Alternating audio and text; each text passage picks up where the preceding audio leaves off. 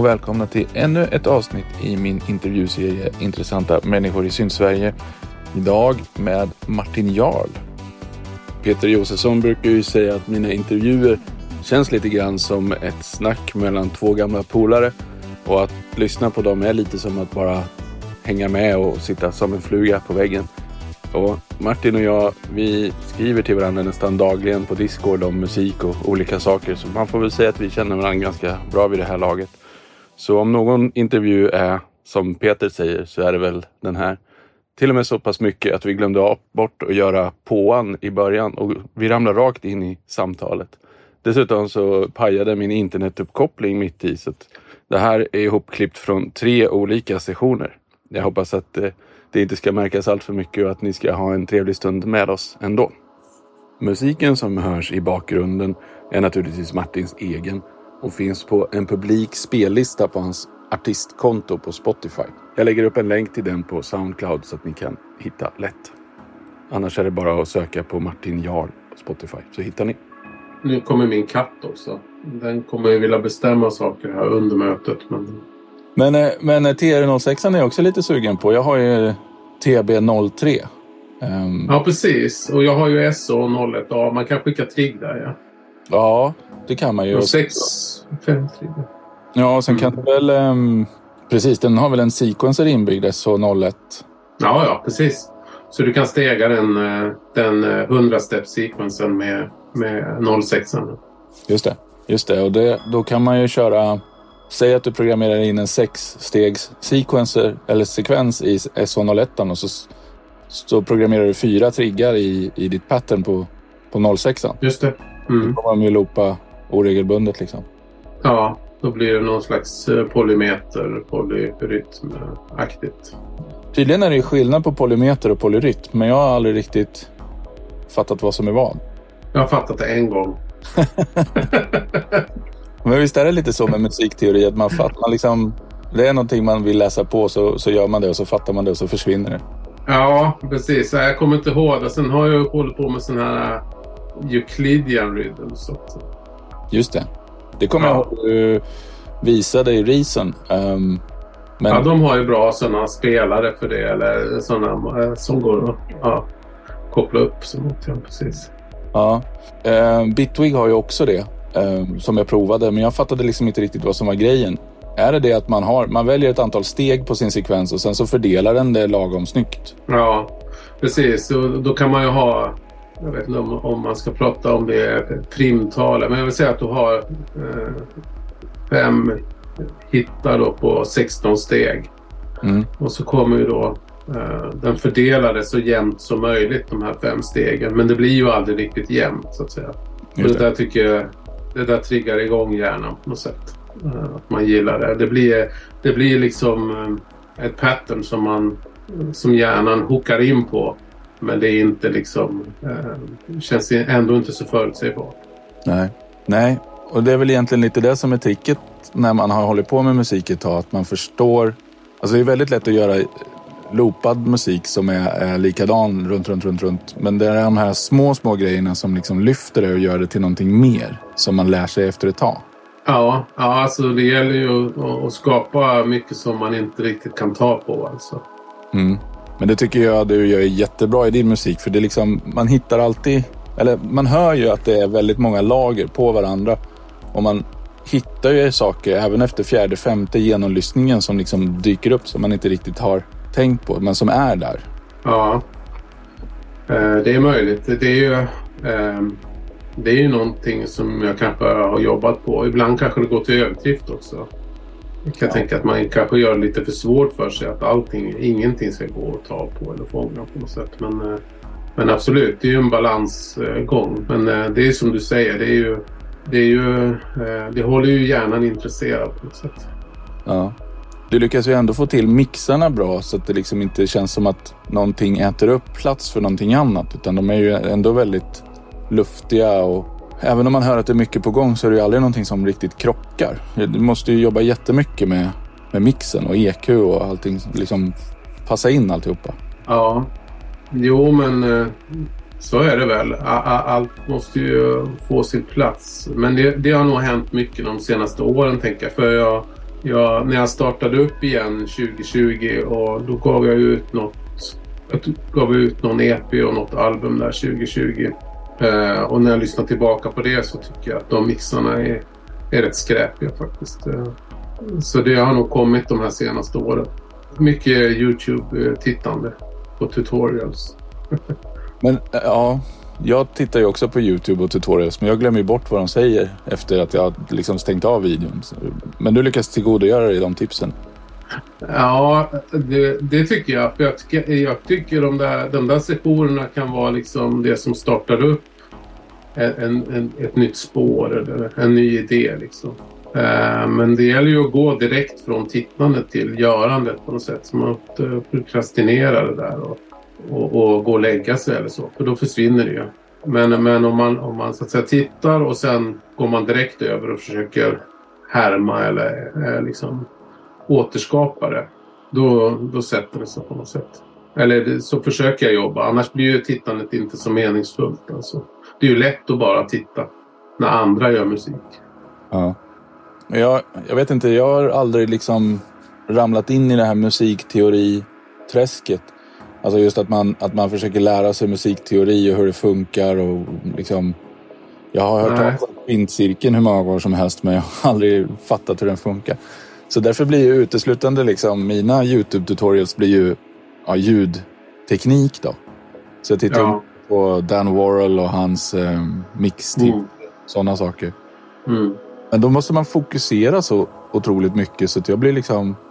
Jag har svårt att komma ihåg det efteråt. Att, och, och, det är inte alltid man har ett projekt liksom att, att testa hans grejer på. Nej. Så, ja. Nej.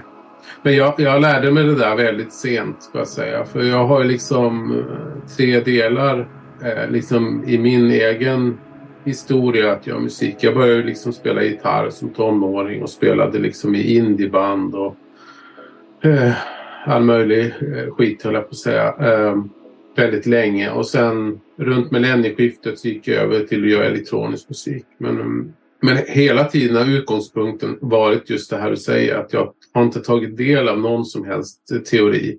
Och sen 2010 eh, eller runt 2005-2010 där någonstans så blev det helt stopp och det blev bara småbarnsår och utbildning och allt sånt.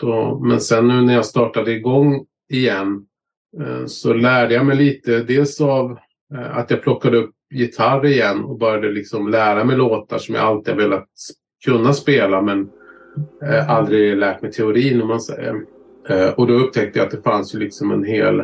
Alltså Youtube är ju verkligen liksom en, en, en skatt på något sätt. Alltså det finns liksom så otroligt mycket kunskap och så många som delar med sig på något vis. Så, eh, och då, då ångrar jag lite att jag varför har jag inte gjort det här tidigare på något sätt. Men det har ju aldrig varit så lättillgängligt som det är nu heller. Nej. Uh. Nej, och sen jag menar, även om Youtube som fenomen har funnits ganska länge så har ju alltså användarna och, och de som lägger upp videos, det har ju ökat exponentiellt liksom senaste åren. Ja, ja. Och det, det, någonstans känns det lite grann som att det, man måste ju liksom hitta någon som kommunicerar på ett sätt som man kan ta till sig. För en del upplever jag ju som bara fruktansvärt jobbiga att titta på. Och, och liksom... Ja, jo, precis. Jo, men så kan det ju vara. Det ju, och sen eh, eh, var det väl min känsla just när det gäller elektronisk musik att det är väldigt mycket som är fokuserat runt just Ableton också. Ja. Eh, tänker jag. Eh, inte för att det gör något, det är ju ett jättebra program men det är ju inte det som jag använder. Och, eh, ja, så saker kanske inte är direkt överförbara men det kan ju också vara bra så att säga. För då kan jag försöka reproducera det i en annan DAV då liksom och då, eh, då får man försöka hitta hur gjorde de det här, hur gör man det här eh, i, på min plattform eller så. Och då kan det bli något annorlunda och eget av det. Så det, det, det är också kan man säga ett tema tycker jag att jag eh, egentligen så försöker jag liksom härma andra saker men jag lyckas inte speciellt bra och så blir det någonting annat. Ja. Nej, men, men du kör ju Reason. Ja, mestadels. Ja, precis. Mm. Hur landade du i det? Ja, det var ju väldigt länge. Det var ju där vid millennieskiftet. Sådär. Uh, jag hade väl fuskat lite i Rebirth. Uh, så. Um, och sen så skaffade jag någon sån här um, MC 505 Robox och hade någon då på den tiden. Det var ju mycket crackade program. Man hade ju inga pengar alltså. Så jag hade någon fuskkopia av... Nej, jag hade nog den här Cubasis fanns det va? Någon sån här ja. introversion av Cubase tror jag. Och där började jag multitracka den här MC 505 då. 2000 eller 2001 kanske. Mm. Och, och, sen började ju, sen kom ju Reason och då tyckte man ju det var, verkade ju helt fantastiskt liksom. Och, och där startade ju också någon slags våg av mjukvarusyntar och så. Och tyvärr gick man väl bort sig lite i det. För jag hoppade ju på det tåget rätt så mycket. Och, och en del av de där mjukvarusyntarna de, de lät ju faktiskt ganska platt alltså. Men, men eh, Reason var ju tilltalande för det, det kändes ju då i alla fall som en blandning mellan hårdvara och mjukvara. Det grafiska snittet var liksom väldigt attraktivt. Eh, eh, om man jämför med Cubase då. Så jag, jag, kände ju snabbt att jag det talade till mig i alla fall på ett helt annat sätt. Eh, och sen höll jag väl på då eh, de där åren. Och jag vet inte vad jag var uppe i då när jag, när jag la ner då. Kanske det var uppe i, i version 5, 6 kanske. Mm. Ja, inte ens det tror jag. Fem kanske eller någonting. och sen var det paus i, i tio år typ. Och sen nu när jag eh, när pandemin startade och jag och liksom ja, av någon anledning kom igång och igen då. Då skaffade jag en sån där eh, introversion av, av det Reason som var då, vilket var 11 då. Och där gjorde jag det här första albumet som jag pratade om tidigare som jag tyckte var så dåligt mixat. Allt det är gjort med bara Reason introversionen. Ja. Eh, och även någon EP också. Och då hade det ju tillkommit fantastiskt mycket och helt plötsligt kunde man köra VST-pluggar och sånt som man inte kunde tidigare. Så det, det går ju nästan inte att jämföra. Även om gränssnittet är ju likt. Så att säga. Ja. Jag tycker mm. att det har, har åldrats liksom väl. Har det, nu har du ändå 20 år på nacken, liksom, Reason. Har det hängt med i utvecklingen tycker du? Uh, uh, ja, det är svårt för mig att uttala mig för jag har inte hållit på med så många andra. Så jag är ju lite, har lite tunnelseende. Jag, jag vet ju att du får kritik liksom. Uh, och de själva har ju också insett det. Så det går ju numera att köra Reason som en VST under andra DAWs i Ableton och Logic och så vidare. Men för mig är det faktiskt helt fullgott med sequencer och, och allting. Jag kan inte liksom säga att jag saknar någonting. Nej. Så, men jag vet ju när, när live kom och så. Eh, för då var jag ju aktiv under den perioden och, och det var väldigt, det kom ju liksom som en eh, ja, som ett sätt också att spela live. Det, därför det heter live. Liksom att, att man kunde, det var en bra time stretch för den tiden och, och man kunde liksom slänga upp alla de här looparna. Eh, så vi som var laptopmusiker då, om man säger, då, då var det väldigt eh, attraktivt på något sätt. Att, att helt plötsligt kunde man få in en livekänsla i det. Alltså jag har aldrig spelat live med Reason eh, riktigt. Även om det går, men det har aldrig liksom känts så bra. Utan jag har fått hitta andra vägar eh, som inte heller egentligen har varit så bra. Men, ja. Eh, så om det har åldrats väl. Eh, Alltså jag tycker fortfarande att Breezen låter väldigt bra. Eh, men, ehm, och, och det, det, det jag hittar ständigt nya grejer i det som jag blir intresserad av. Så för mig räcker det ju gott och väl. Även om jag har liksom hårdvara och så också. Mm. Men jag, jag, tänker lite grann på att de har ju fått klagomål på att gränssnittet inte skalar så, så snyggt nu på de här nyare skärmarna med högre upplösning. Och sådär. men det, det, är säkert saker som har lösts och sådär. Men jag tänker lite grann, den paradigmen där med att göra mjukvara som liknar hårdvara var ju jättebra i början. För det var ju väldigt enkelt för folk att anpassa sig och förstå. Liksom. Det, är, det är väldigt lätt att förstå hur en hårdvarupryl funkar och vänder man på den så kan man koppla kablar på baksidan. Det, det är skitsmart. Mm. Mm. Men jag tänker också att en, en, digital miljö är ju så otroligt flexibel så att, att låsa sig vid hårdvarans begränsningar bara för att man vill att den ska se ut som det kan ju göra att man, att man tappar vissa funktioner också som inte går att göra. Ja, jag förstår vad du menar. Och, och, det är väl också så. Men, men Reason har ju kommit runt det där genom att man kan bygga liksom eh, man kan bygga ihop instrument och effekter och på det sättet automatisera dem och så. Men jag förstår att, att är man uppvuxen med, med VST, mjukvarusyntar och så vidare, då känns det kanske inte så attraktivt att gå in i en miljö som Reason där man behöver helt plötsligt ha lite kanske hårdvarukunskap ihop med det där och förstå hur man ska bygga ihop det. Så jag kan tänka mig att då behöver man en del tutorials. Då är det ju lättare eh, kanske att gå in i en, en DAV som, som Ableton eller så. om, om man inte kommer heller från hårdvaruhållet så kanske man inte tycker att det är så attraktivt som jag tyckte. Nej, jag, jag vet faktiskt inte. Jag tror att Reason kom, alltså de var nog helt rätt när de kom. Um, och, och funkar säkert alldeles utmärkt fortfarande så jag säger inget om det. Jag bara tänker på, jag tror att man vann över väldigt många från hårdvaran när man började och sen så är jag bara lite nyfiken på hur man har förvaltat det. För, för som du säger, dels vet jag ju att man kan bygga ihop device till en, till en hel plugg, eller liksom en egen mm. bil. Mm.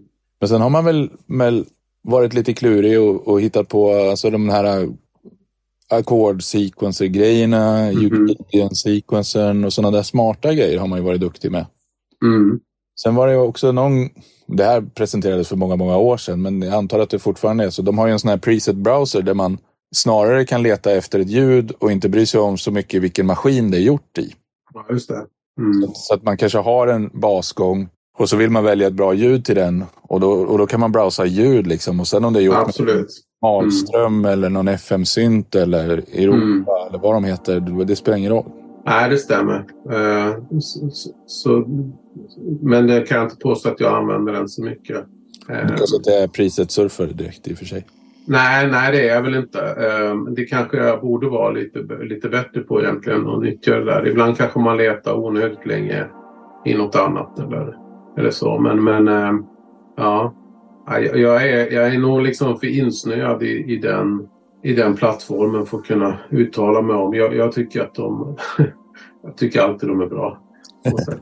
jag har väldigt lite kritik gentemot, gentemot det programmet faktiskt. Men jag tror också att, att egentligen så finns det ingen anledning att jämföra plattformar idag. Alla kan tillräckligt mycket för att de ska räcka livet ut för i stort sett alla. Sen görs ju mm. vissa saker smidigare i vissa plattformar och andra saker är smidigare i andra. Liksom. Um, Absolut, det... och, och jag menar, det är ju inte så att jag inte kompletterar heller med VST-pluggar. Uh, som gör det hela väldigt mycket enklare. Nej, precis, men jag tänker så, också... Så det... är, du, är du till exempel singer-songwriter och ska dubba en massa sång, då kan det ju hända att Logic är bättre för det eller, eller vad som helst. Mm. Jag, jag tänker bara att det finns liksom alla DAVs kan egentligen allting, men vissa gör vissa saker bättre och andra gör andra saker bättre. Och ja. Man får välja det som ja, absolut. Liksom. Ja. Men, eh, men hur börjar du på en låt? Då, när du liksom, för att jag, jag har ju väldigt svårt att känna mig inspirerad när jag bara öppnar ett tomt projekt i min DAV och, och, bara ska trycka igång. Liksom. Däremot kan jag känna mig inspirerad om jag tar fram lite syntar och leker. Men om du, mm. om du känner så här att nu har jag en stund på mig att göra lite musik. Vart börjar du? Ja, jag tror det är rätt så olika faktiskt. Jag tror inte jag har liksom ett sätt. Men jag vet ett sätt jag inte har som jag brukade ha. Och det var att jag börjar väldigt sällan med trummor och bas. I princip aldrig. Nej. Och det, det vet jag från förra farvet jag höll på att tjata om det. Men då vet jag att det, det, var alltid där jag började. Med rytm och beat och, och det. Men det gör jag aldrig nu. Nej. Uh, för jag har väl någonstans upptäckt att det liksom, för mig är ett, ett eh, jättebra recept till att köra fast. Alltså. Och till slut har jag lyssnat sönder det där bitet så att jag, jag tycker det inte är så bra som jag tyckte från början.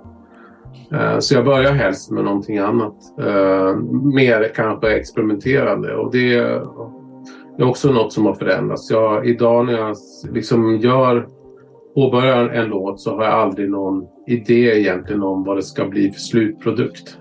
Utan jag börjar liksom helt fördomsfritt och så får det på något sätt bli vad det blir. Och, så, um, ja. och där tycker jag där finns liksom en leklust i att göra på det sättet som, som jag tycker om. Kan det vara så då att du kanske provar en ny teknik som du har sett på någon Youtube-klipp eller någonting du har gått Ja, absolut så kan det vara. Eller att jag börjar, börjar skruva ljud på en synt bara. Mm. Uh, tänker ja, uh, man ska göra. Uh, och sen när man har fått till ett ljud man gillar försöka hitta någon, några ackord som man tycker passar eller så. Och sen, och sen blir det den här lagren som du pratar om att man försöker bygga. Liksom. Jag gör, ju, jag gör ju ändå en del liksom, lite blandad musik. Jag gör en del som inte har trummor och en del som har trummor. Så därför har jag en väldigt bred liksom, Ja, det behöver inte bli på ett visst sätt. Nej. Kanske skillnad om man håller på med EBM eller så. Då, då, det finns vissa saker som känns som att det, det här måste vara med. Jag känner nog inte att det är något som måste vara med. Så. Nej, men, men jag känner ju dig mest som, som dubb technoartist liksom. Men jag vet ju att du har gjort ambient också. Nu på sistone har du ju svävat ut i lite garage och, och testat lite. Ja, precis. Det blir väl eh, kanske nästa bit, eller nästa del. Och så. Jag, jag tröttnar ju en del på, liksom, på mig själv. Alltså. och på eh, och, ehm, och jag, jag tänkte så här, ja, man kan ju man kan vara lite genreöverträdande. Man kan ju fortfarande försöka ha sitt eget uttryck på något sätt. Eh, och då kanske det inte spelar så stor roll. Då, och vill någon följa med och lyssna på det, då får man väl göra det. Och tycker man att man eh, gjorde bra musik innan men nu är det mest skit, då får man väl tycka det. Tänker jag. Det är ju inte, det, jag måste känna den där utmaningen för att det ska på något sätt kännas eh, eh, kul och eh, inspirerande. Och jag, är, jag lyssnar ju på väldigt mycket olika musik själv så det blir konstigt om jag liksom skulle sätta mig i ett eget fack. För det här med dubbtechno har jag också funderat på att det, det, är ju, det är inte så mycket jag själv kanske som... Men jag blir oftast... Eh, hamnar oftast i den kategoriseringen om man säger. Men eh, det är nog aldrig något jag riktigt har tänkt på själv. Eh, Nej, men, att jag skulle tillhöra. Jag tror att man har liksom... Eller ja, det, det, jag får bara prata för mig själv. Men man har en tendens att ramla åt ett visst håll när man gör musik. Um, jag, jag tenderar ju liksom att ratta in ljud som jag tycker om och brukar inte utmana mig så mycket och, och gå bortom det eller, eller liksom om, om jag håller på att ratta en synt och så märker jag att ljudet blir någonting som jag inte tycker om, då försöker jag ju liksom inte gå vidare och se ifall det finns någonting jag tycker om på andra sidan, utan jag backar ju tillbaka hem till där jag är trygg.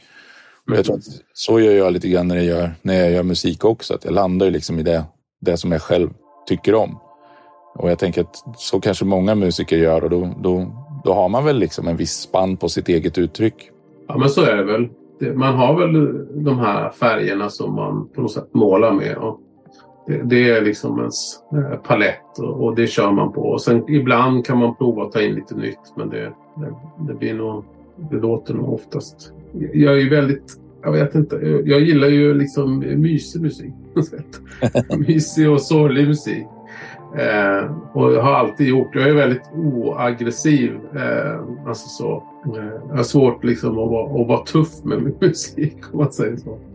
Ja. Jag hade legat för mig riktigt. Nej, men alltså, jag, mysig kan jag hålla med om för det är väldigt så här. Ähm, ja, men ljud, ljud, ambiensen och ljudlandskapet du målar upp är ju alltid väldigt omhuldande och omvälvande på något sätt. Och varmt. Äh, så ja, mysigt kan jag hålla med om verkligen. Sorgligt vet jag inte riktigt. Nej, det är väl mer teoretiskt att jag sällan jobbar eh, i liksom majakord och så. Eller eh, tonarter. Utan det blir moll mest. Ja. Sen, sen, kan ju det vara lite eh, glatt också ibland. På något sätt. Ja, men moll, moll kan ju vara lite så här smyg hoppfullt i alla fall. Ja, precis. Ja, men det, så kan det, det kan man väl säga. Men eh, sen är det ju så fruktansvärt tacksamt med mollackord i jättelånga delayer med tonvis med reverb. Ja, det är ju en, eh, en fälla. Det är lätt att, att hamna där. Ja, mm. ja det är det. Men vad, vad inspireras du av? Alltså liksom, vad får dig att gå och sätta dig och göra musik? Är det bara för att du brinner så mycket för det eller är det någon gnagande känsla du har? Eller vad? Mm, ja, eh, då... Det har väl varit... Det, det är ju lite psykofarmaka får man säga. Jag ska inte säga att det är så terapeutiskt men, men då, då liksom, anledningen varför jag kom igång igen var ju liksom att jag sökte någon slags, eh, ja, någonting och, något annat att fokusera hjärnan på. Det var liksom mycket pandemi och mycket Donald Trump och jag, jag var fast på ett jobb som jag inte var sådär jättebegeistrad i. Och, eh, det behövde liksom något för att bryta det där. Man fick ju inte resa någonstans riktigt och man fick inte göra så mycket överhuvudtaget. Och då, då blev på något sätt... Eh, det här blev ju en, en, en, en verklighetsflykt och också ett sätt lite grann att... Eh, alltså det låter väl som pompöst men att, att liksom eh, eh pra, prata ut eller eh, konversera på något sätt via musik. För det kan ju lätt bli ett samtalsämne. Och vi hänger på forum och sådär. Det, det, det är ju något man kan visa upp liksom. På något sätt. Och prata ja. runt. Eller, ja. Ja, och ens hobby är ändå alltid ett, liksom, ja men som du säger, någonting att samlas runt och någonting att, att ha gemensamt med andra. Jag tror gemensamhet och gemenskap är viktigt för människor. Ja, precis. Och just i pandemitider passar det bra. Hade man hållit på med fotboll liksom, så kanske man inte hade fått... Ja, eh, det, det, det passar, är en bra hobby att ha över nätet på något sätt.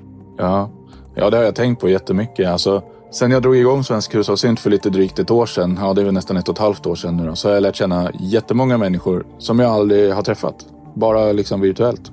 Det är skitmäktigt. Ja men precis, det är det mm. Och då kan det ändå vara folk som man hör av nästan i stort sett varje dag. Jag menar, du och jag skriver väl något meddelande nästan varje dag. Ja, precis. Jag har ja, ett gäng till sådana som man liksom hör av flera gånger i veckan i alla fall. Mm. Just runt musik då. Det tycker jag är så här. Någon gång måste man ju ta tag i och träffa alla de här. Ja, men du är välkommen. Ja, jag måste komma ner och få en, eh, en reason. Sveriges trädgård. Ja. ja, du bor nere i Blekinge någonstans? Ja, precis. Jag bor i Karlskrona sen eh, eh jag flyttade hit eh, 2005. Då hade jag bott i Malmö rätt så länge. Ja. Eh, så hamnade jag här. Men jag har ingen annan koppling. Ja, min, min fru är härifrån. Det var så. Det var så det var tänkt. Ja, men det är väl inte så dumt. Ja, det är en jättefin stad och, och mycket, mycket skärgårdsnatur och, och lite så. Jag, jag reser en del i jobbet här lokalt också och får se mycket fint om man säger. Ja, jag, jag tror att det är, det där är någonting som har slagit mig lite grann ju äldre jag blir. Att jag uppskattar att komma ut i naturen mer och mer. Och se. Ja, absolut. Jag, jag, jag, jag, är, jag har blivit en riktig lantis faktiskt. Jag har inte alls uh, eh, sådär tillfreds med att vara i, i större stadsmiljö. Nej. Eh, tycker inte det är speciellt inspirerande. Nej, och sen så, jag vet inte, jag har utvecklat någon slags känslighet för ljud och alltså, ju mer jag jobbar med musik och ljud, desto mer liksom, tunad blir ju hjärnan på att hålla på med det. Och, och då blir mm. det väldigt lätt överväldigande när det är för mycket ljud. Så jag har blivit känsligare för det. Men det kan också vara gubbighet, jag har ingen aning. Nej, precis. Jag jobbar ju lite med hjärnan sådär eh, till vardags. Så det finns säkert en ökad känslighet för att, du, för att du håller på att bli en gubbe. ja, det är väl så. Eh, men det här, du, du pratade lite grann om, om att ha musiken som psykofarmaka och sen när vi skrev häromdagen så pratade du om att du var liksom inne i en liten manisk musikperiod. Kan du, kan du utveckla det lite? Mm.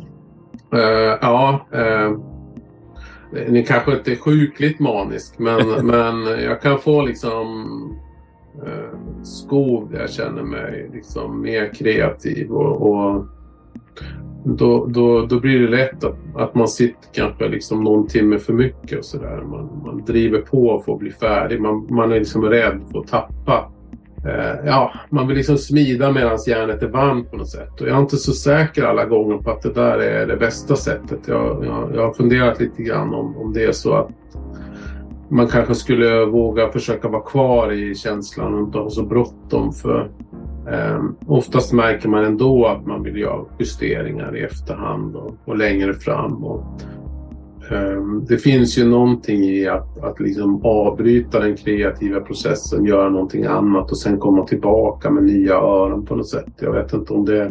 Eh, jag önskar att jag kunde bli lite bättre på det där. Att jag är lite för snabb ibland. Och...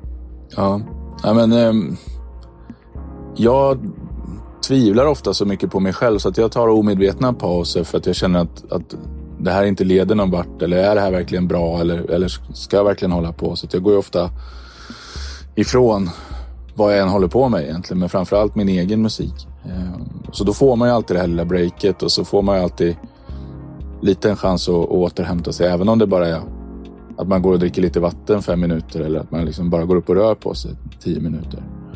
Ehm, för jag, ja. jag, känner, jag känner ju de gånger jag har pushat på och hållit på för länge så blir det ju alltid Ja, men just man blir lite så här äh, hemmablind, tondöv för sin egen grej. Och så, så det som man har mixat som låter fantastiskt just där och då, gör inte det. Nej, precis. Jag, jag, jag kan känna igen det du säger. Samtidigt så har man ju varit med om att, att liksom projekt dör långsamt på något sätt.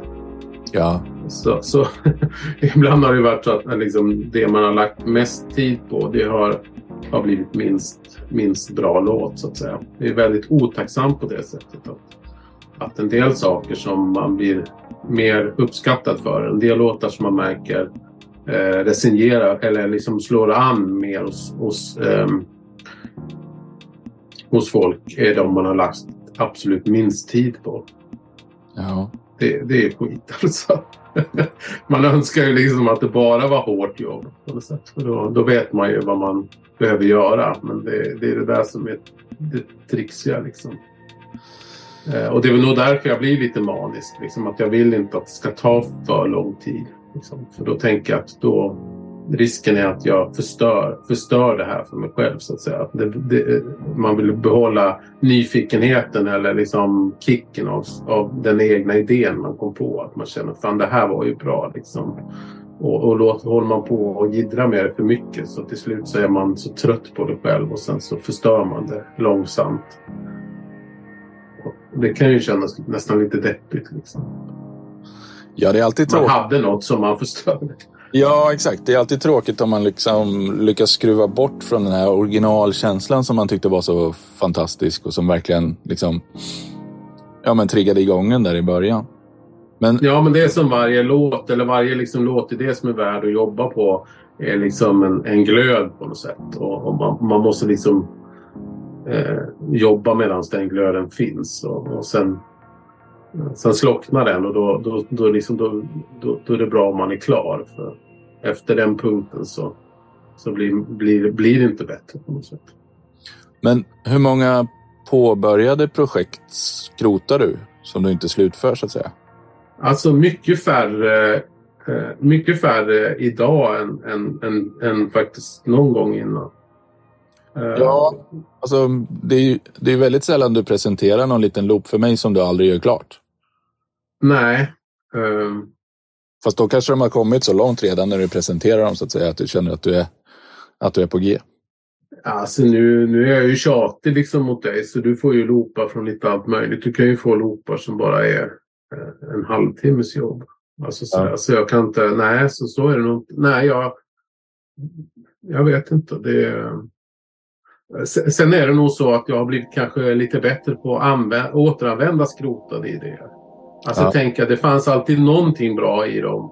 Och, och, då kan de bli liksom en katalysator på en annan bra idé. Då kan det vara, kan det vara liksom trummorna från, från ett annat projekt kan gör, göra att det går snabbare att säga, på den här nya idén där man har liksom en, ett, en större glöd att och, och, och liksom jobba med. Och på det viset så kan man kan kanske fyra idéer bli en eller, eller något. Eller fyra projekt liksom komplettera. Så det ska man också vara lite vaksam på. Att, man, att, att oftast, ha, oftast i varje projekt eller i varje låtidé så finns det ju någonting bra som man kanske kan, kan återanvända. Ja. Och då kommer det här med musikteori lite grann in. Att man kan, nu är inte jag duktig på musikteori, men att man kan tänka, ja men stämmer jag ner hela den här samplingen av den här loopen eh, två steg, då borde jag landa i, i det här projektet. Och så kan man liksom ja, Just det. hitta synergieffekter kanske. Liksom, för att slå ja. ihop saker. Mm. Men då gäller det på något sätt att lyckas ha ett bibliotek i huvudet också av vad man har gjort och, och försöka komma ihåg. För jag känner att jag glömmer bort alltså, mina projekt väldigt fort. Mm. Ja, ja, men precis. Så därför gillar jag att dra ut de här MP3-looparna som, som du blir tvungen att konsumera.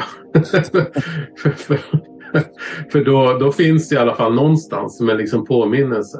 Ja. Det, de, de, det kan bara vara 30 sekunder eller en minut eller något sånt där. Tänker man, fan det, där fanns ju ändå något, något ganska bra i det där. kanske man kan eh, dra ut igen. Men jag är fruktansvärt dålig på att katalogisera eller arkivera det på ett bra sätt. Så det blir ju oftast huller om buller i en stor mappa, tyvärr. Ja, men jag tror lite grann att har man ett namn på dem som är hyfsat vettigt så hittar man ju tillbaka till projektet. Så om man bara har några renderade filer så kan man ju liksom lyssna igenom dem och så skutta tillbaka till, till vad man hade gjort. Ja, men precis. Eh, men som sagt, eh, så många projekt är det inte som bara blir liggande. Utan i någon form så blir de oftast eh, klara. Liksom. Ja. Men jag tänkte lite grann på det vi pratade om förut om, om um, hur, hur ens prylar mottas av andra. Så är det viktigt för dig vad, vad andra tycker om, om din musik? Ja, alltså här skulle man vilja säga nej, men det kan, kan jag nog inte. Jag menar, det finns ju, då skulle, hade det inte varit viktigt så då hade jag ju, kunde man ju skita och ge ut det på något sätt. Ja. Ja, du ger ju ut väldigt mycket och du förpackar det snyggt och du ger ju ut via Drift Deeper, det här bolaget då, som Paul heter han? Som mm. i, han bor i England någonstans, London-trakten? Ja, i London. Ja, Så. Eh, ja. Ja, men det är klart att det, det, det, är ju, det är ju roligare om folk tycker om ens musik än att de, än att de inte gör det. Eh, och, och det, det är också det är klart att det finns ett bekräftelsebehov i det där. Sen är jag ju inte... Jag gör det ju först... Jag menar, jag hade ju gjort det. Jag hade ju hållit på även om folk tyckte att allt jag gjorde var skit. Mm. Ja, men jag, jag tänker någonstans att nästan alla hobbys har ju något slags uppvisningsmoment. Om det är en tävling eller om det är konserter eller vad det än är. Utställningar om du håller på med konst och så vidare. Så det verkar ju som att vi, vilken hobby vi än håller på med så vill vi ju på något sätt dela den med andra. Ja, precis. Jo, men så är det ju. Och det är ju en stor del. Det upptar ju en stor del av liksom dagens tankeverksamhet och, Eh, och lite så.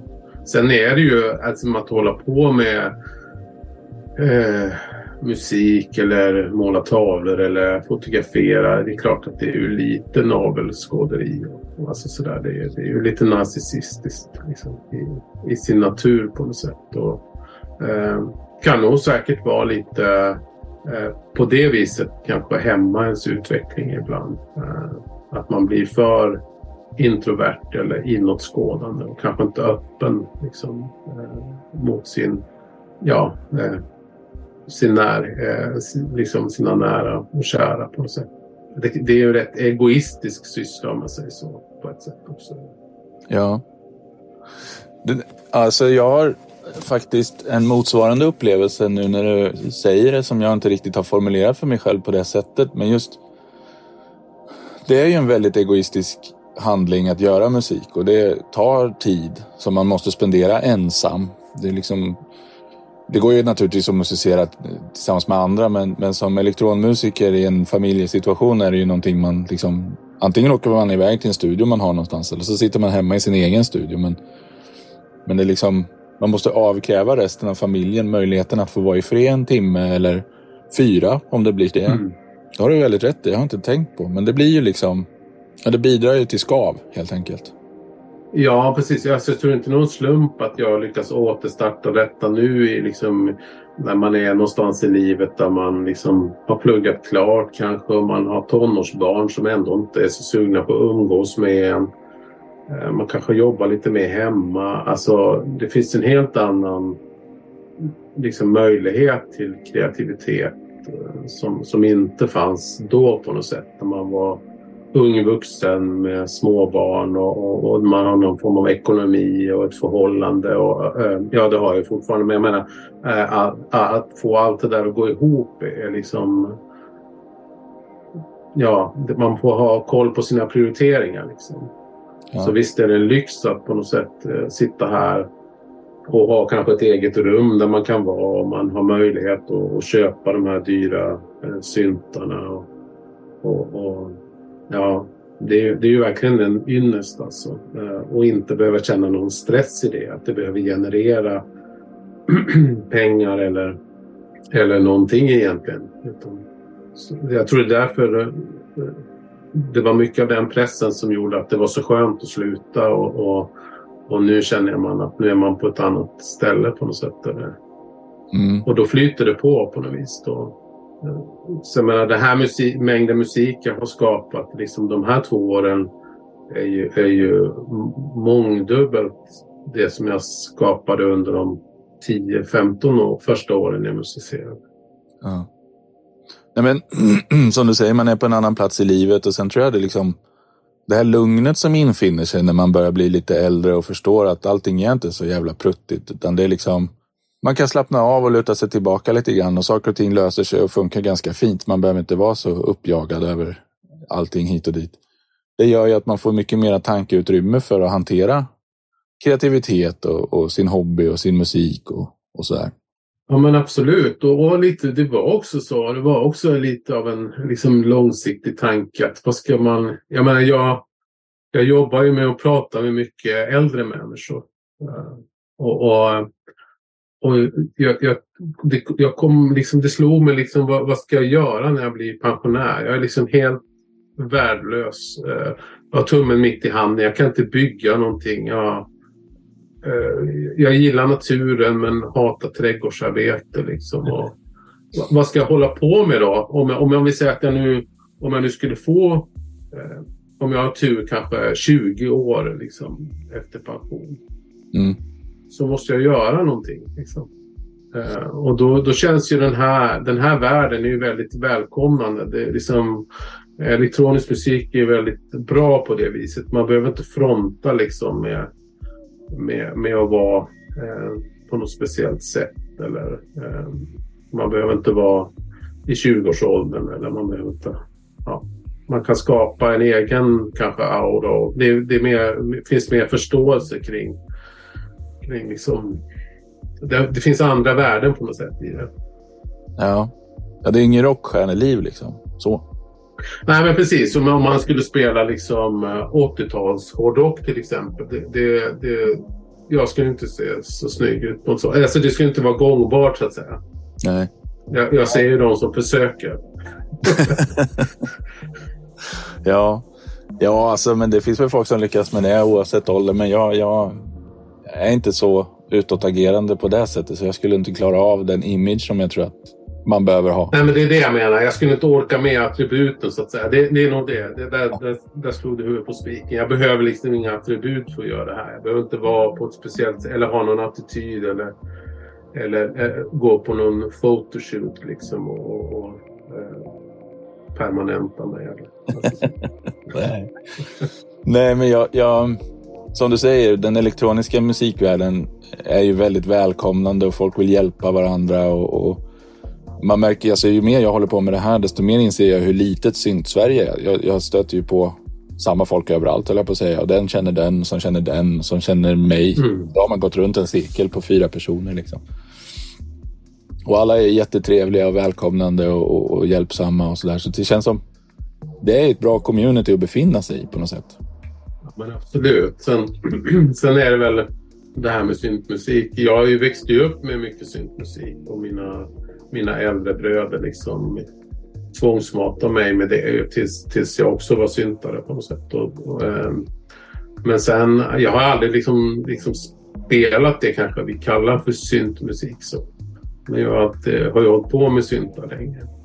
I mm. olika former.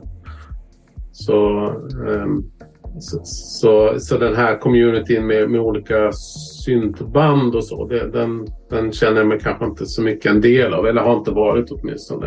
Eh, eh och det... Ja, jag vet inte vad jag ska säga om det egentligen. Men, men, men när du säger synt-Sverige så vet jag inte riktigt vad, vad, vad, det är på något sätt. Så att säga. Men vi som håller på med elektronisk musik då? Är det, är det, så, är det, är det det du tänker kanske? Ja, det är mer så jag menar. Människor ja. som, som, äger en eller flera syntar. Ja, ja precis. För, för det finns ju liksom lite olika, olika delar där. Um, som, det är synd kanske att man inte korsbefruktar de olika genrerna lite mer, tänker jag. Um, men jag, jag, jag upplever att, att vissa Eh, vissa syntare är lite, kanske lite konservativa. Nu slänger jag in en brandfackla här, jag vet inte. Nej, men, ja, men jag tror nog det. Och, och jag tycker att det är en bra sak. Jag, för jag Absolut. Jag tycker det finns en charm i, i nostalgin kring de här albumen som man växte upp med. Ja. Och därför uppskattar jag jättemycket som, som Fredrik intervjuade för ett tag sedan i Nervous Damage som gör en helt ny platta som låter som, som gammal Nitzreb. Fast den är helt ny mm. och, och med lite annat stuk då naturligtvis. Det är ingen exakt kopia på något sätt.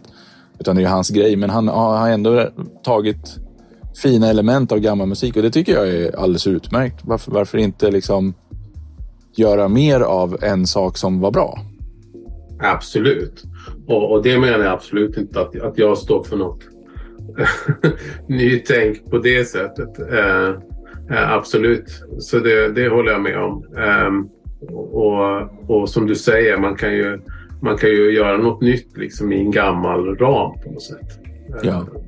Sen tycker jag det är jättekul när man blandar hejvilt också. Jag menar, ja, men, men liksom plockar element från olika musikgenrer och blandar ihop dem. Och det händer väl också lite grann. Jag tror att det finns ju lite så hårdare EBM-band som blandar in techno-bitar. Det har ju blivit liksom mm.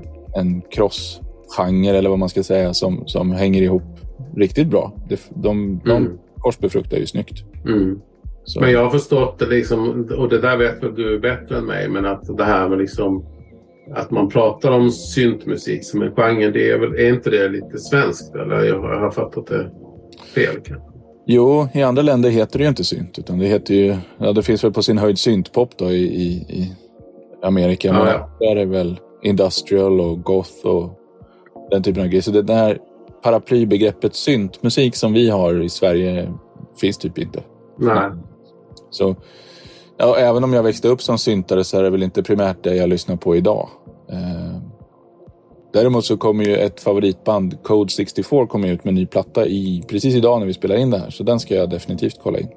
Och i vilket, jag som inte känner till dem, hur var, vilken typ av... Ja, de är väl inte riktigt syntpop utan de är väl ganska klassisk synt egentligen med lite tv-spelsljudsinslag och, och nu har ju gått åt ett lite funkigare håll på sistone, men förut var det lite snabbare låtar. Eh, mm. Riktigt, riktigt bra. Mm. De, de för ju den här gamla traditionen av svensk syntmusik vidare. Det tycker jag verkligen de gör. Mm. Men äh, åter till dig. Äh, du kör ju inte bara Reason, utan det är rätt mycket hårdvara som har passerat för dig. Men de tenderar inte att stanna så länge, de där stackars burkarna. Nej, jag är så otålig. Och Uh, och, och, sen har jag inte så stor, stor studio heller så det är inte, faktiskt inte så många olika burkar som får plats. Nej. Uh, och skulle det, skulle det växa mer så skulle min fru upptäcka det. Ja. då, då, hade jag råkat illa ut på det hållet. Så att säga. Uh, det skulle ifrågasättas för mycket. Nej då, men nej, jag är väldigt otålig. Och jag vet inte, ibland kanske jag tänker att jag, jag söker något. Det finns liksom ett löfte i varje hårdvara att, att köper du den här så ska det bli så här eller så ska du börja göra det här. Och jag märker att jag har ju gamla invanda sätt som, som liksom tar över på något sätt i alla fall. Och jag skulle aldrig köpa liksom eh, hårdvara för att titta på. Även om jag uppskattar hårdvara som är snygg naturligtvis. Men, men eh, så därför så, så, så åker det lite in och ut som du vet. Mm. Men om du, inte, så om du inte använder en hårdvara då får den dra liksom? Ja, det finns inget liksom, jag har ingen, inget nostalgiskt uh, värde i det. Så att Nej. Men... Och det, det, är väl för att jag inte har den här historiken. För jag, jag spelade ju när jag liksom... Jag, som sagt, jag spelade ju gitarr och så innan och där kunde jag nog mer liksom, där, där sved det lite mer om man skulle behöva sälja någon gammal Fender eller så. Men, men här, de, jag har aldrig liksom ägt vintage hårdvara. Så. Nej. Jag tror kanske lite skillnad då, liksom att man har byggt upp ett band under flera år så att säga. Medan de här um, elektronburkarna till exempel som jag använder mycket, uh, Digitakt och så. Det går alltid att köpa en, en ny liksom. Ja. ja, precis. Och priset skenar ju inte direkt. Nej, utan det ligger rätt så konstant. Liksom. Så då, då, varför inte prova olika saker då? Liksom. Ja, och sen så jag menar man hittar ju kanske... Ja, men jag vet att du gillar Digiton mycket med FM-syntesen, men, men även om den är bra och så där så kan det ju hända att man tycker att formatet är lite bökigt, och, men, men att man gillar syntesen och då, då letar man rätt på den AI Reason då kanske?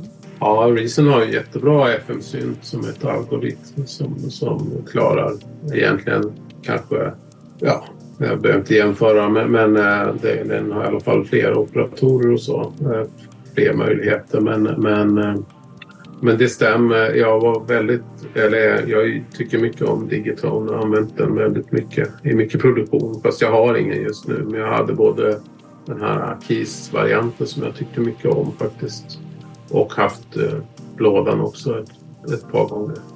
Mm. Så att, eh, så, så, men oftast så, så när det gäller hårdvara så får det vara Ja, nu vet jag att vissa kanske inte tycker att elektron är sådär lätta och lättjobbade men när man har, när man har landat i dem så är, känns de ju lätta och lättjobbade. Så, så, så det är klart att det får inte vara för hög tröskel känner jag för då, då, då kommer jag använda mjukvara istället. Ja. Blir det så där att du har en, en tanke på vad du vill göra och sen, sen vill du nå det målet så fort som möjligt? Eh, ja, jag, jag, jag, tror mer att det är liksom att jag fastnar i det här producerandet hela tiden. Att jag inte liksom slutar göra musik och då, då blir det kanske inte så mycket tid att lära sig en hårdvara. Nej. Eh, riktigt. Utan eh, tiden går liksom åt i olika låtidéer och projekt. Och om inte den hårdvaran jag köpte kan ge någonting till det projektet på en gång utan att jag måste liksom lära mig den utan och innan och leva med den på något sätt. Då, då fungerar inte det så bra. Den här eh, MC505 som jag refererat till tidigare eh, då hade jag ju inget ens en dator liksom, att göra musik på. Jo, jag hade något tracker kanske men, men inget liksom så. Och då blev den ju då blev ju allt musikskapande i den på något sätt. Mm. Så då kunde man ju den utan och innan. Då blev ju den som, som, som ett instrument precis som en gitarr eller så. Um, men idag och vissa av min hårdvara som jag har idag, typ Digitactic, kan jag också så bra. Så att, så att liksom, det funkar på något sätt. Men, eh, men det ska mycket till om en ny hårdvara ska gå in och liksom ta en plats i den där kakan på något sätt. Men det där tycker jag är jävligt intressant för det, precis det du säger har jag slagits av ett par gånger att, att man måste spendera ganska mycket tid med en maskin för att den ska bli ett instrument på precis samma sätt som till, till exempel en gitarr eller ett piano eller vad det nu kan vara. Och om du på gitarren måste öva upp fingerfärdighet så måste du på maskinerna öva upp någon sorts muskelminne och, och inbyggd förståelse för uppbyggnaden av maskinen och hur den hänger ihop och funkar. Så jag tror att på grund av det då så graviterar man väl mot maskiner som man kan sedan innan eller som, som följer en paradigm som man kan sen innan. Mm. Så jag menar, jag har ju subtraktiv, subtraktiva analoga syntar. Eh, för de är likadana allihop egentligen. Det är, det är ju inga svårigheter. Och sen har jag elektronmaskiner i stort sett. Det är vad jag har och vad jag fastnar i. Jag har ju försökt mig på mängder av modularer genom åren. Och de som har fastnat, alltså jag hade en stor synthesizers.com ett tag som var, den är ju otroligt enkel. Alla moduler är skitenkla, men de är grundläggande byggstenar så man kan ju bygga massor med spännande saker med dem. Så den hade jag jättekul med. Men det enda som egentligen har gått emot det jag säger nu är att jag hade en buckla ett tag som jag tyckte väldigt, väldigt mycket om. Men då var det ju mera varje, varje session man hade med den var ju som en sorts meditativ klangresa snarare än ett, att sitta och göra musik. För man, man kopplade ju saker på vinst och förlust för att se vad som hände egentligen. Ja, och det, och det är klart att det, det, det kan ju finnas ett absolut värde och en avkoppling och liksom en experimentlusta som gör att det är en jätteviktig del av ens eh, musicerande. Eh, men som sagt, jag, jag tror jag har det här fokuset att, att producera eller skapa liksom färdiga produkter är liksom för, för starkt på något sätt. Jag har inte riktigt ro till det där. Även om jag experimenterar. Eh, det är inte så att min musik är helt oexperimentell på något sätt. Men, men, eh, men det är också inom, inom ramar som jag är bekväm med. Mm. Men, ja, men jag tror att det är viktigt att hitta sin... Eller ja, nej. Jag kanske, nu kanske jag extrapolerar lite för mycket, men jag, jag har en känsla av att Ja, men som vi var inne på förut, när man blir äldre så, så slappnar man av lite grann och tycker det inte är så viktigt och, och man blir inte så pretentiös utan man kan ta det lite lugnt och, och tycka att ja, men så här, så här gör jag och det duger. Jag är bra på det här. Det får vara så här. Och så kör man på på ja, det. Precis. Ja, och se vinsterna i begränsningarna när man jobbar med de förutsättningarna som finns. Liksom. Mm. Ja, och därmed inte sagt att man på något sätt liksom stannar upp i sin utveckling och bara nöjer sig med någon sorts status quo. Men, men jag menar att jag hade i alla fall en sorts jakt efter att vara minst lika duktig som den och den och klara av det och det och sådär. Men, men eh, så känner jag inte alls längre utan jag tycker ju att mitt, mina grejer är tillräckligt bra som de är och, och, och ja, det duger för mig. Liksom. Ja, och det är, det är ju väldigt lätt att, att det blir någon form av materialsport av det på något sätt. Ja. Uh, och, och jag, nu har jag aldrig varit inne på det här med Eurorack men liksom att, att man lär sig, alltså, uh, man kanske lär sig att, att både löda och, och liksom, det blir liksom mer en garagehobby och, och, det är absolut inget fel med det. Eh, och det är inte att säga att inte det skulle att det ger mer eller mindre men, eh, men för mig själv så är det nog mer att jag försöker behålla fokus på själva musicerandet och, och liksom ja, eh, komponerandet om man säger om man, om man vill liksom vara lite högtravande då. Eh, eh, och, och, då, eh, och då, då har inte jag plats för mer i, i hjärnan på något sätt än, än det jag redan kan. Då. Nej, men, men eh, musicerandet överhuvudtaget är ju en så pass bred hobby att, att den liksom ger utrymme för att göra det på olika sätt som man vill och tycker om. Ja men precis. Och det, det, det, det är därför, och, och, vill man bredda sig kan man ju också söka samarbeten med, med någon som, som håller på med helt annan hårdvara kanske eller som är duktig på något annat. Och så. Och det, det har jag ju gjort också ibland och jobbat ja. Jag tycker ditt samarbete med Anders Kostalik har ju blivit jättebra. Hans pads är ju helt fantastiska. Han är jätteduktig på den biten. Eh. Ja, precis. Det var ju liksom en rolig historia också. Det började med att jag sålde en synt till honom. Ja. Han svarade på en annons eftersom jag då är så jävla otålig och säljer all hårdvara inom, inom ett par veckor. Ja. Så, så har jag ju träffat en del av de svenska syntköparna också. och då eh, köpte han den och det verkar liksom, ja, reagerade väl, tänkte väl inte så mycket på det egentligen. Han var trevlig och, och betalade via Swish och så. Så det funkar ju bra. Så jag sålde en sån här OP6 eh, korgsynt till honom och sen, sen eh, av någon anledning så skrev han till mig efter ett halvår ungefär och, och hade lagt upp låtar på Soundcloud som som han hade gjort med den här synten och ville att jag skulle lyssna på dem. Och då, eh, då upplevde jag att, att, vi var liksom lite grann besläktade. Det var något, fanns något tilltalande med det där, med hans musik. Och det var inte helt liksom olikt en del grejer som jag hade gjort. Så vi, vi började liksom, eller jag började pusha honom på att vi skulle jobba lite grann ihop. Så vi har gjort det vid något tillfälle. Jag har mixat honom och vi har jobbat på något spår tillsammans. Och så. Mm. Mm. Ja, men det är jättekul. Sen är ju du duktig på att lägga pads själv, men som, han hjälpte ju mig med en låt nu nyligen eh, som inte är riktigt klar än. Då, men för mig blev det ju sån, låten får ett nytt liv liksom, när någon annan tar sig an den och, och hjälper till med lite små saker. Som du också har gjort på någon av mina låtar. Och det, det är skitkul. Samarbeten är sporrande och inspirerande och, och roliga. Ja, och det är det. det och det här liksom, jag kan ju komma ihåg den här bandkänslan från, från 80 och 90, eller ja, 90-talet ska vi säga. På 80-talet. Så gammal är jag inte så att jag spelade band på 80-talet. Men, men 90-talet i alla fall. Jag kan komma ihåg den här känslan av att man kompletterar varandra. Det, det, är också ett sätt att, att göra sin egen musik lite mer spännande på något sätt.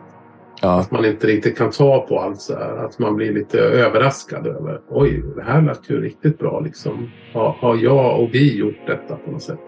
Just. Eh, så det, det önskar jag att man kunde egentligen hålla på med lite mer. Men ähm, det finns ju andra förutsättningar nu för att jobba över nätet än, än, än tidigare. Och det är ähm, äh, himla praktiskt och så. Äh, men det gäller också att man man får vara lite eh, prestigelös och lite liksom ödmjuk. Eh, dels om man tänker att man ska eh, kanske vara och, och klippa i någons arbete eller man ska få ihop det. Och det, blir ju lätt att man... För mig har det i alla fall varit så att jag har haft en tendens att ta över den typen av projekt. Ja. Sen, för att jag vill liksom ha kontroll om man säger. Ja. Då, då kan nog den som jag samarbetar med kanske känna sig lite utanför till slut. Så det gäller att man, att man kanske har en, kontakt där man kan bolla mycket fram och tillbaka. Så. Ja, sen så tror jag det är viktigt dels att man liksom kan bolla som du säger. Sen att, att man har förståelse för skiftande livssituation och möjlighet att arbeta. Liksom, det är inte alltid man kan sitta lika mycket tid båda två. Men sen, sen tror jag att det är bra att man har liksom lite, ja, men lite olika roller. För då blir det mindre att man trampar varandra på tårna. Ehm, Om man, om man vet att den ena har en styrka så, så låter man den göra den och så har den andra en annan styrka och så får den göra den. Liksom. Precis, då, och då blir det lite mer som ett, ett band kan man säga. Att man har kanske varsitt instrument eller mm. du är rytmsektionen och du står för, ja, om jag förstår. Men jag tänkte lite grann på, nu har ju vi fått ta om den här inspelningen på grund av att eh, internet eh, strulade hemma hos mig. Vilket det faktiskt ganska sällan gör, men, men ändå. Eh, man tar det så för givet att man ska ha höghastighetsinternet idag. Och eh, det har ju påverkat möjligheten till samarbeten enormt. Ja, precis. Att man har det menar du? Eller att man kan förlita sig på det? Mm. Ja, både och. Jag menar, bara för tio år sedan så var det väl hyfsat ovanligt att man skickade gigabyte-filer till varandra över nätet. Liksom. Ja, nej precis. Det, så är det ju verkligen. Det är, de problemen är ju på något sätt borta. Eh, sen kan det ju vara, kan det vara lite mer problematiskt att vara uppkopplad på samma plattform samtidigt om man nu skulle prata om samarbete, att man är inne i samma DAB till exempel. Ja. Eh, det finns ju sådana lösningar men, men det där känns som att för gemene man så är, det, är man kanske inte där. Eller för gemene sovrumsproducent så kanske man inte är där. Nej, och jag vet inte riktigt. Jag menar som ensam elektronmusiker så är man ju rätt van att jobba själv och jag vet inte riktigt om jag längtar efter att sitta samtidigt som någon annan och jobba. Nej, jag har ju suttit i något liknande när jag jobbade med eh, Felian där i, som bor i New Orleans då. Då hade vi ju någon session i Ableton var det. Där han så att säga styrde. Han hade kontrollen. Och sen så pratade vi då så att jag, jag kunde styra vad han, jag ville att han skulle göra och så. Men det, det var ju rätt problematiskt och, och det kändes som att man Eh, satt på händerna ungefär. Så att vi avslutade det. Det var liksom inte fruktbart på något sätt. Det gick bara sakta. Ja. Och, blev liksom äh, frustrerande. Ja. För man, man märker också inne i en DAV så har man helt olika preferenser och, och workflow. Alla skapar liksom sin egen. Så när jag tjatade om att han skulle skruva på något filter så, så i hans huvud så tänkte han på något helt annat och, och gjorde något annat. Så det blev bara det bara krockade helt enkelt. Ja, jag tror att det tar lite invänjning att få till det där ordentligt. Ja, och jag vet förr, jo precis, och jag vet där är eh, tidigt när jag höll på, då, då hade jag också samarbeten där vi satt vid samma dator så att säga. Mm. Innan det var möjligt att ha det via nätet. Så att båda vid samma. Men det blir ju ändå att en styr på något sätt. Men det, det var ju faktiskt lite bättre måste jag ändå säga. Ja. Jag har, jag har provat det en gång faktiskt med en kille som är otroligt duktig trummis. Men han, är också, han var musiklärare förut. Och han... Eh, jag kunde, jag kunde liksom säga till honom att nu skulle jag vilja ha den här grejen. Eller liksom, och försöka förklara mig på, på, på ett sätt som för, gjorde att han genast förstod vad jag ville och, och, spelade saker som jag aldrig själv skulle kunna ha varken programmerat in eller spelat för hand. Så han liksom förstod och sen kunde han komma tillbaka med ett snyggt ackordbyte som inte jag skulle ha tänkt på. Så det funkade mm. väldigt bra på det sättet. Mm.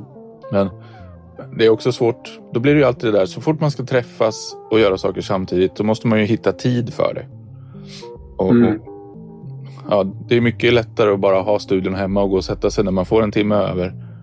Än att liksom behöva sammanstråla någonstans tillsammans med andra. Ja, och det var ju lite dragningskrafter med att göra det också. Att få göra det på sina egna villkor. Jag har ju massa år av, av bandspel till exempel. Och vi repar varje tisdag och söndag och sen ja, och så börjar någon knorra för att familjen tar för mycket mer tid eller man kan inte. Och, alltså, så det där var det har man ju liksom på ett sätt lite grann valt bort. Men även om man kan sakna det ibland. Mm. Um, tycker jag. Men um, det är svårt att veta det, det, är liksom, det är lite svårt att veta innan man, hur, hur, hur samarbetet ska bli med någon innan man bara testar. Så ibland får man nog bara hoppa och, och, och, så får man vara lite prestigelös. Att man får också vara, vara öppen med att äh, äh, jag, alltså jag tycker det är, på ett sätt ser jag potential i det vi gör men jag känner inte att det funkar riktigt kanske. Mm. Så jag brukar vara jättenoga med att inte lova. Det är samma med remixer också. Det säger bara att jag kan försöka men jag lovar ingenting. För jag, jag, jag gillar inte den där pressen att man liksom man bara är en maskin som det bara ska funka eller ska bara komma ut en slutprodukt. Jag kan känna att är man inte nöjd med den då, då får man liksom skita i det på något sätt. Ja. Jag tror att det är otroligt viktigt att man liksom har hittat vad, som är, vad, vad man själv, hur man själv vill jobba och sen klarar av att vara ärlig mot det på ett alltså prestigelöst och oanklagande sätt och bara säga att ja, men, jag är ledsen men det här funkar helt enkelt inte. Nej. Och det där är ju också väldigt viktigt när man ger feedback, när man försöker hjälpa andra med deras musik. Och att, att man kan liksom uttrycka sig på ett sätt som de kan ta emot um, och som de liksom inte tar illa upp av.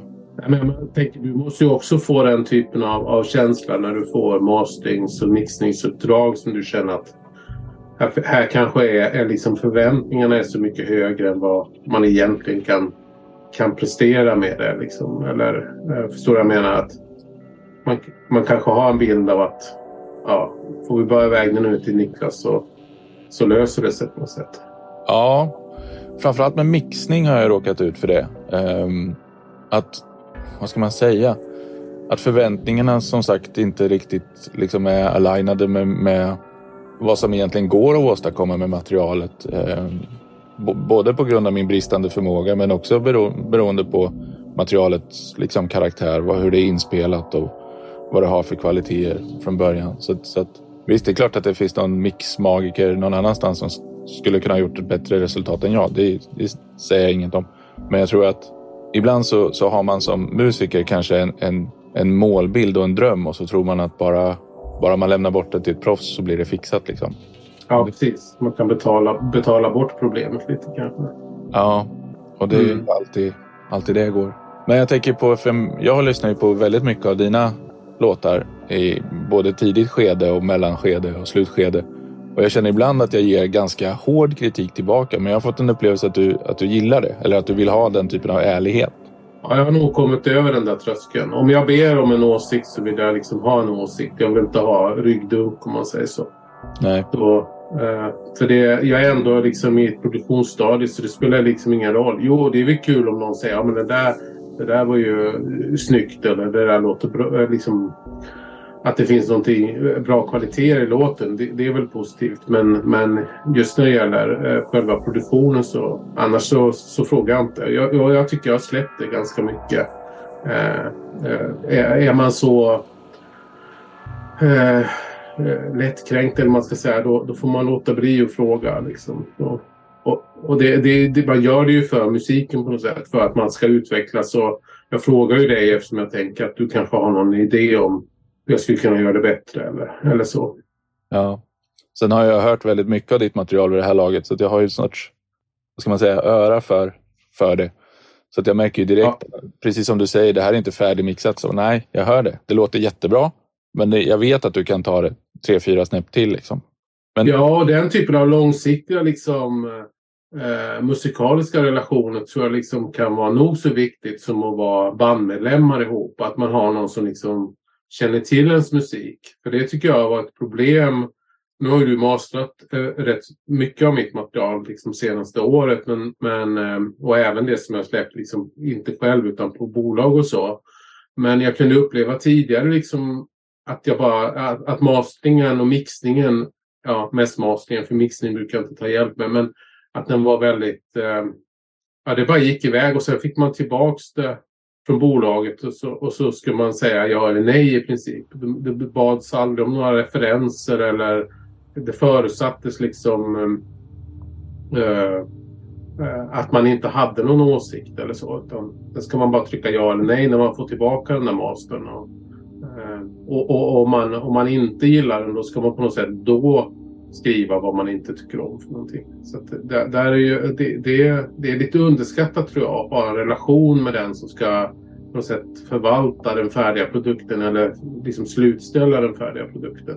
Det kanske kommer, jag är ju liksom amatör så det kanske kommer ju mer professionell man blir kanske det kommer högre upp där men, men jag upplevt det som en eh, som väldigt tacksamt att och liksom ha en långvarig relation när det gäller det. Jag tror det är lite underskattat också. Jag, kunde ju reta, jag kan reta mig över mina tidigare inspelningar där jag kände att Alltså dels var min mix dålig men masteringen eh, sminkade ju inte över utan nästan förstärkte det. Till exempel om man trycker upp det då bara till till, de har egentligen bara pressat upp volymen så att misstagen jag har gjort i mix blir egentligen bara ännu tydligare.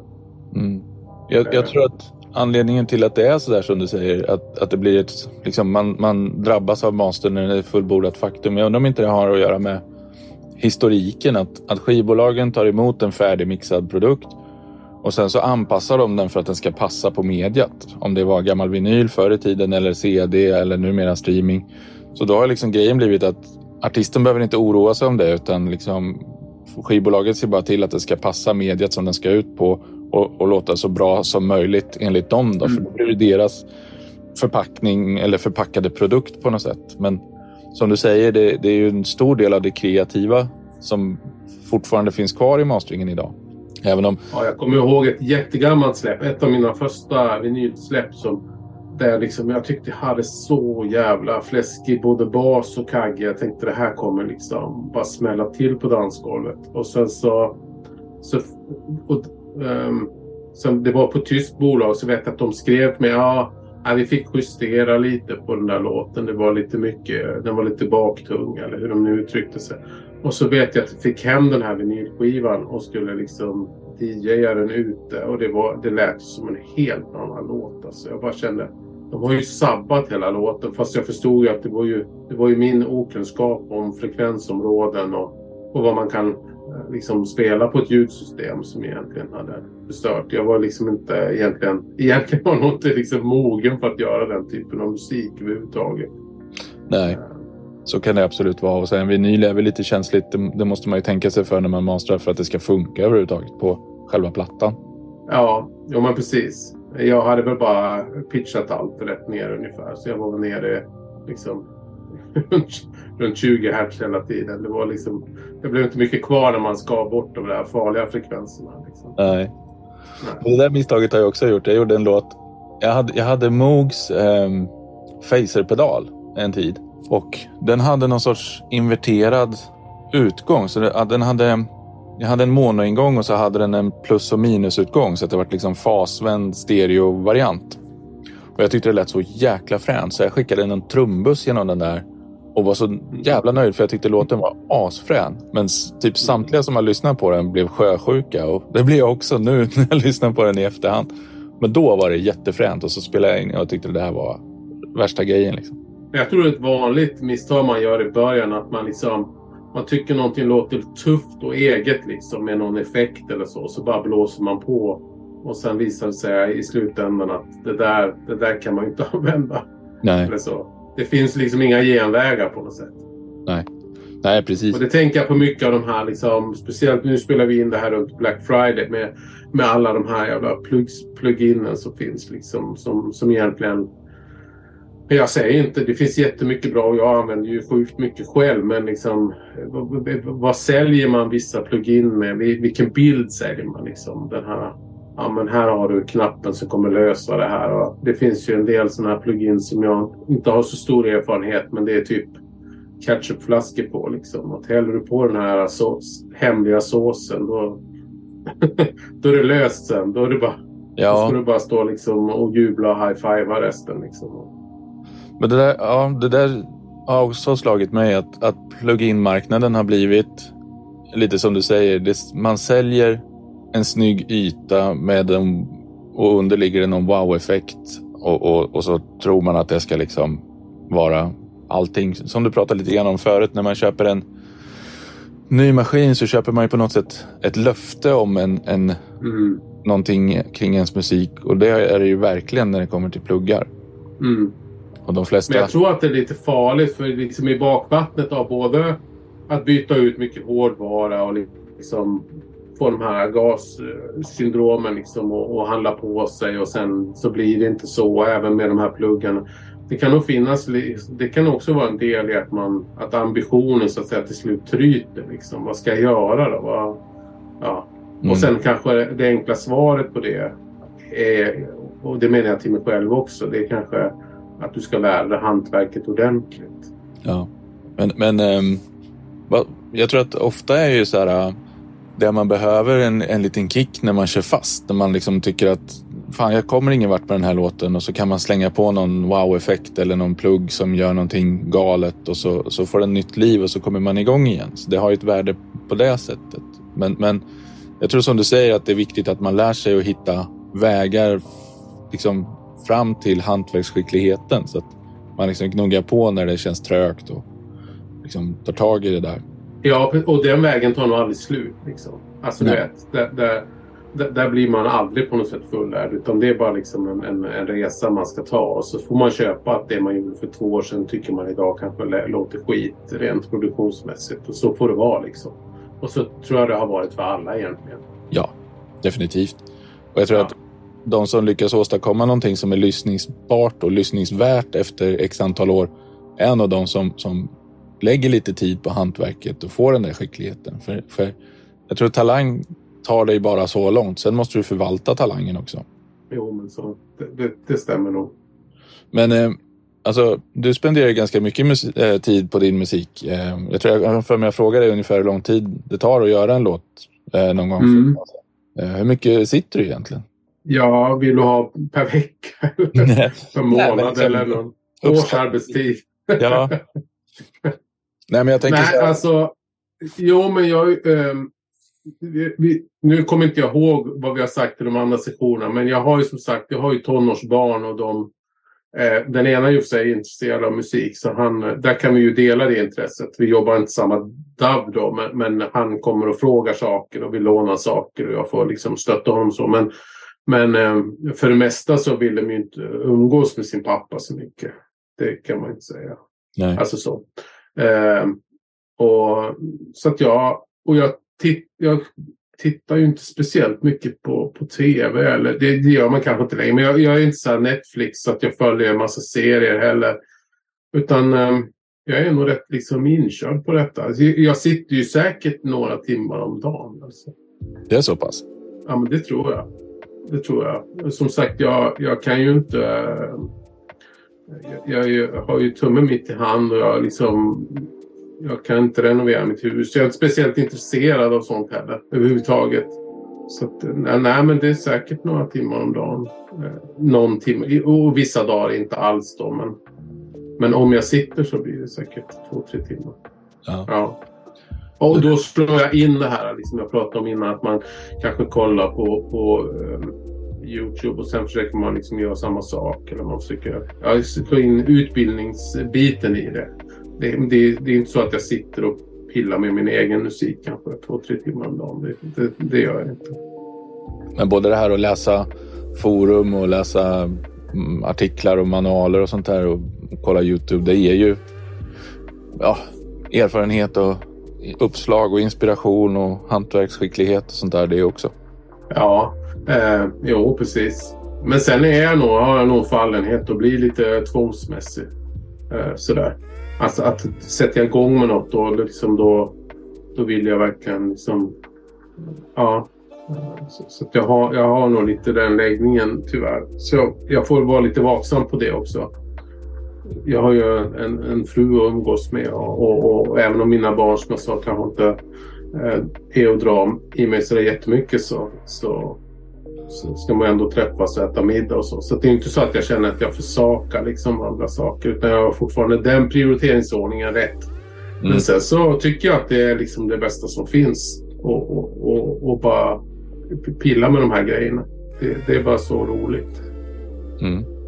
Skulle du vilja försöka leva på din musik. Även om det kanske inte är aktuellt än på många år. Men jag, jag tänker just den här aspekten av att, att, ha det som sin inkomstkälla kontra som sin hobby. Blir, det blir, jag, jag, tror att det blir en psykologisk skillnad som är ganska stor.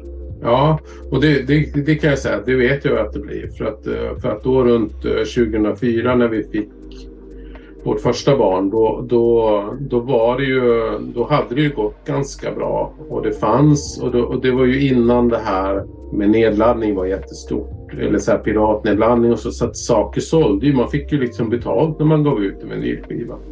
Mm. Det, det, var, det var ju så. Och, och, även fick en del spelningar och sådär. Så, så då, då var man i ett mellanläge och jag vet att jag höll på med något album där och, och skulle färdigställa och, och, vi fick barn och det var liksom um, och jag jobbade uh, inom äldreomsorgen som, som vikarie då. Liksom, och, och, och, skulle, då var ju målet helt klart det här med att, att liksom leva på det här på något sätt i förlängningen. Men, men liksom upplevelsen av att bli småbarnsförälder och, och eh, vad det innebär och och den här pressen av att göra klart någonting, det bara blev, det blev bara pannkaka av alltihopa. Så jag kan, eh, och efter det kände jag nu när jag startade, när liksom den här återstarten igen, Eh, så var det så skönt att liksom, det här har inte med ekonomi att göra. Det här är bara liksom din, din hobby eller liksom din lekstuga på något sätt. Så jag tror absolut att det hade påverkat mig. Jag är inte så säker på att jag skulle önska att det här var min enda inkomstkälla. För jag, jag har på något sätt sett vad behöver jag liksom vad behöver jag göra och hur stor del behöver det ta då? Och jag är inte säker att det skulle vara så där jättenyttigt för mig. Alltså. Nej. Nej, eh. sen, sen tror jag för min personliga del så påverkar det ju min förmåga att åstadkomma någonting om jag får krav på mig. Ehm, alltså, jag vet inte varför, men ett normalt jobb där man är liksom jag vet inte, på något sätt 50-50 procent kreativ och, och resten är rutinjobb. Om man skulle vikta över mycket mer på att vara kreativ så skulle den, det skulle vara mycket svårare, känner jag. Att få fram den kreativiteten. Ja, och någonstans så kommer väl uttrycket av kanske vad du gör till vardags också. Liksom, eh, nu vet jag inte hur du känner om du får inspiration av ditt jobb men någon annan upplevelse än att sitta i risen måste man ju få. Mm. Annars, så annars tror jag musiken sakta blir rätt så torftig liksom, om, om det inte finns något yttre stimuli.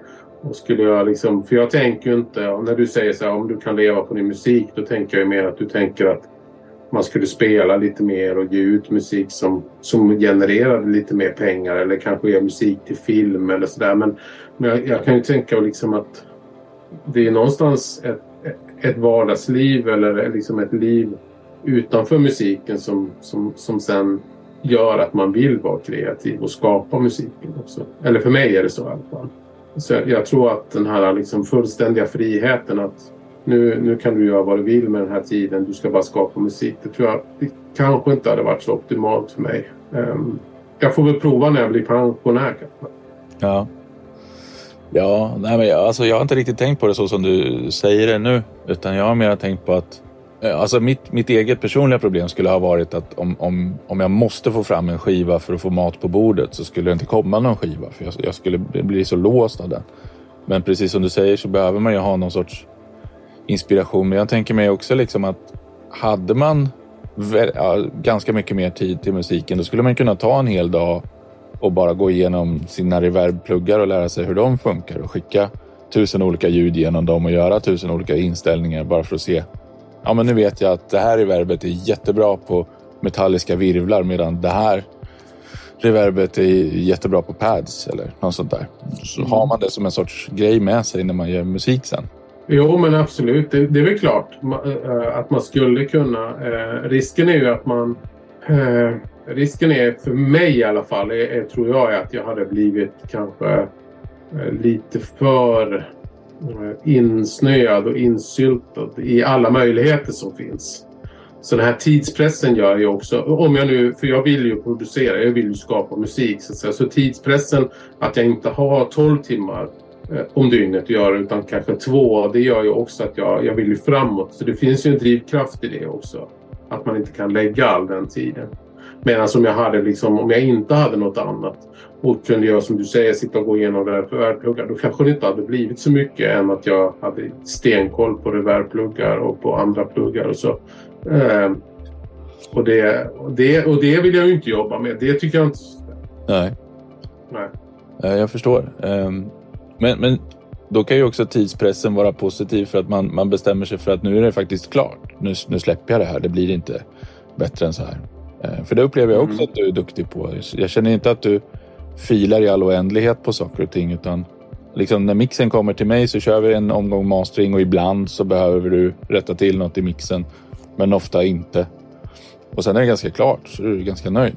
Och det tror jag är viktigt att man, att man ger upp det. Man, har man tyckt att låten är bra en gång, fast man, om man är färdig med den och man känner fortfarande att det här, det här blev ju ändå bra så att säga. Då, då, ska man, då får man direkt, eller då tänker jag så här, då, släpp den här tanken nu. För om någon vecka så kommer du tycka att den är skit i alla fall. Men nu tyckte du att den var bra, du hade den känslan. Sen har du hört den så många gånger fler, mer än någon annan i hela världen kommer göra. Det är inte konstigt att du blir ledsen. Jag brukar ibland referera men du har ju massa andra gamla låtar som du också är trött på. Mm. Uh, liksom att, att du, uh, jag är ju trött på gamla Joy Division-låtar också. Men, men, men, det är ju inte så konstigt. Man har hört dem liksom till leda. Va? Så, så, så, och så känner jag. Så måste jag också kunna få tänka om min egen musik. Liksom. Det är klart att du inte... Uh, det är klart att jag själv inte blir liksom slår klackarna i taket när jag hör mina egna låtar. Även om jag faktiskt lyssnar en del på min musik efter den har getts ut. Jag kan liksom pausa då och sen när den kommer ut liksom kanske efter ett halvår eller så. Då kan jag lyssna på den igen och på något sätt ärligt bedöma den. Men jag kan inte bedöma den då när det är dags att lägga den till skivbolaget och då kan jag lika gärna strunta. Då måste jag tänka att jo, men jag kände ju att det här var bra. Jag, när jag kom på idén så tyckte jag idén var bra och när jag precis var klar så tyckte jag också att jag ville spela den för, för andra och då är det ett tecken på att jag själv tyckte att den var bra. Och då får jag, liksom, då får jag konservera den känslan. Och sen får jag skita i vad jag tycker om det ändå. Liksom, att, jag, att jag sen tröttnar på det. För det är mm. klart man gör. Ja, det gör man ju. Men eh, ja. jag brukar lyssna tillbaka på mina gamla grejer bara någon månad senare och tycka fan det här, här hade jag ju någonting. Det här var ju riktigt schysst. Ja, men ofta är det ju så. Och liksom, det är viktigt att man, att man... Annars, alternativet är ju att man gör klart musiken och sen låter man det ligga några månader. Och sen bedömer man den igen. Det kan man ju också göra. Men, men det, jag är inte så mycket för den där långa vägen. Ju. Nej, och det är väl roligare att få ut det så att man känner att det varit något bra. Ja, och då får man ju, då får man ju stå ut med att eh, här och var kanske det finns något som man tycker är ett bottennapp senare. Men man blir också förvånad för då vips så är det ju någon som tycker att den låten är det bästa man har gjort. Mm. Tänker man, du vet ju ingenting om mig. Nej. Nej. Men har du, har du en fanbase så att säga? Alltså jag har ju lite följare och det har ju hjälpt till med Drift då. För det, han har så stor följarskara. Så eh, det här skivbolaget och så de är väldigt välkomnande och man kan liksom vara med på streams och man kan... Eh, så jag försöker ju konversera mycket. Sen är jag inte sådär... Jag är ju så dålig på sociala medier och jag har ju... Min dotter får ju typ sköta mitt Instagram. Jag fattar inte ens liksom hur man ska länka grejer. Så jag är hopplös så. så jag, så jag har lite svårt att bedöma men, men det har ju gått väsentligt uppåt 2022 i alla fall. Eh, på alla liksom plattformar. Sen är, det ju inte, sen är det ju inte storskaligt på något sätt men i jämförelse med hur det har varit innan då. Så jag får ju en del, får ju rätt mycket mail och jag får också rätt mycket eh, mail av, av eh, eh, andra producenter som kanske inte har släppt ännu eller har släppt någonting som vill liksom rådfråga saker eller ibland bara eh, liksom vill säga att de tycker det man håller på med är bra. Men, men även liksom, och väldigt mycket, jag får väldigt mycket remixförslag. Mer än vad jag kan ta på mig. Men det är ju kul. Ja, det, det är det ju. Men så får, där är det som sagt, man får ju också vara ärlig. För gillar man inte låten då ska man nog skita i att remixa den. Ja, man måste liksom, det måste finnas någon slags uh, drive i varför man gör det. Liksom. Jag tycker att det känns bra och så. Sen är det ju så i den här liksom uh, världen uh, av, av liksom smal elektronisk musik att det är liksom ingen ekonomi i någonting. Nej. Så det kostar ju inte direkt något att och får den remixad av mig. Så, så det kostar kanske lite goodwill att man remixar tillbaka någon gång. Så det blir väldigt internt och, och, och trevligt på det sättet. Så att, jag, jag, att, jag är någon, att man är eftertraktad för att göra mixer, det vet jag inte om. Det vet jag inte om det säger så mycket egentligen. Nej, men det är ändå kul att ha lite följare, folk som hör av sig och säger att de gillar det man gör och bryr sig framför allt. Att man känner att liksom det, man, man existerar inte i ett vakuum utan det, det finns lite connections. Nej, nej visst. Det är ju, det är ju som sagt, man, om man inte vill att någon ska höra det man gör, eller som vi sa innan, om man inte vill att någon ska gilla det man gör, då, då, behöv, då kan man ju strunta i att lägga ut det. Om man bara gör det liksom för sin egen skull. Och det har jag ju valt. Jag har ju valt att ge ut det, så då bryr jag mig ju, tänker jag. Ja. Mm. Jag tror att det är få musiker som inte vill spela upp någonting för någon. Lite så här... Ja, jo, precis. Men sen kan det ju finnas den här bilden av den här lite svåra geniet som liksom hade allt på sin kammare typ och sen motvilligt gav ut saker. Det var ju en bild som såldes av elektroniska... Den elektroniska musikern på 90-talet var ju liksom motvillig att släppa men, men hade blivit övertalad att få ut alla de här skivorna. Alltså. Jag, det tror jag inte. Jag tror inte det är sant. Liksom, riktigt. Nej, jag har ingen aning. Jag, 90-talet, och vad gjorde jag då? Då lyssnade jag på tysk synt mest. Ja. Nej, men jag menar, det är så svårt att höra så nå ut i alla fall. Så man kan liksom... Eh, ska man vara sådär eh, mot strömmen då eh, och inte liksom vägra...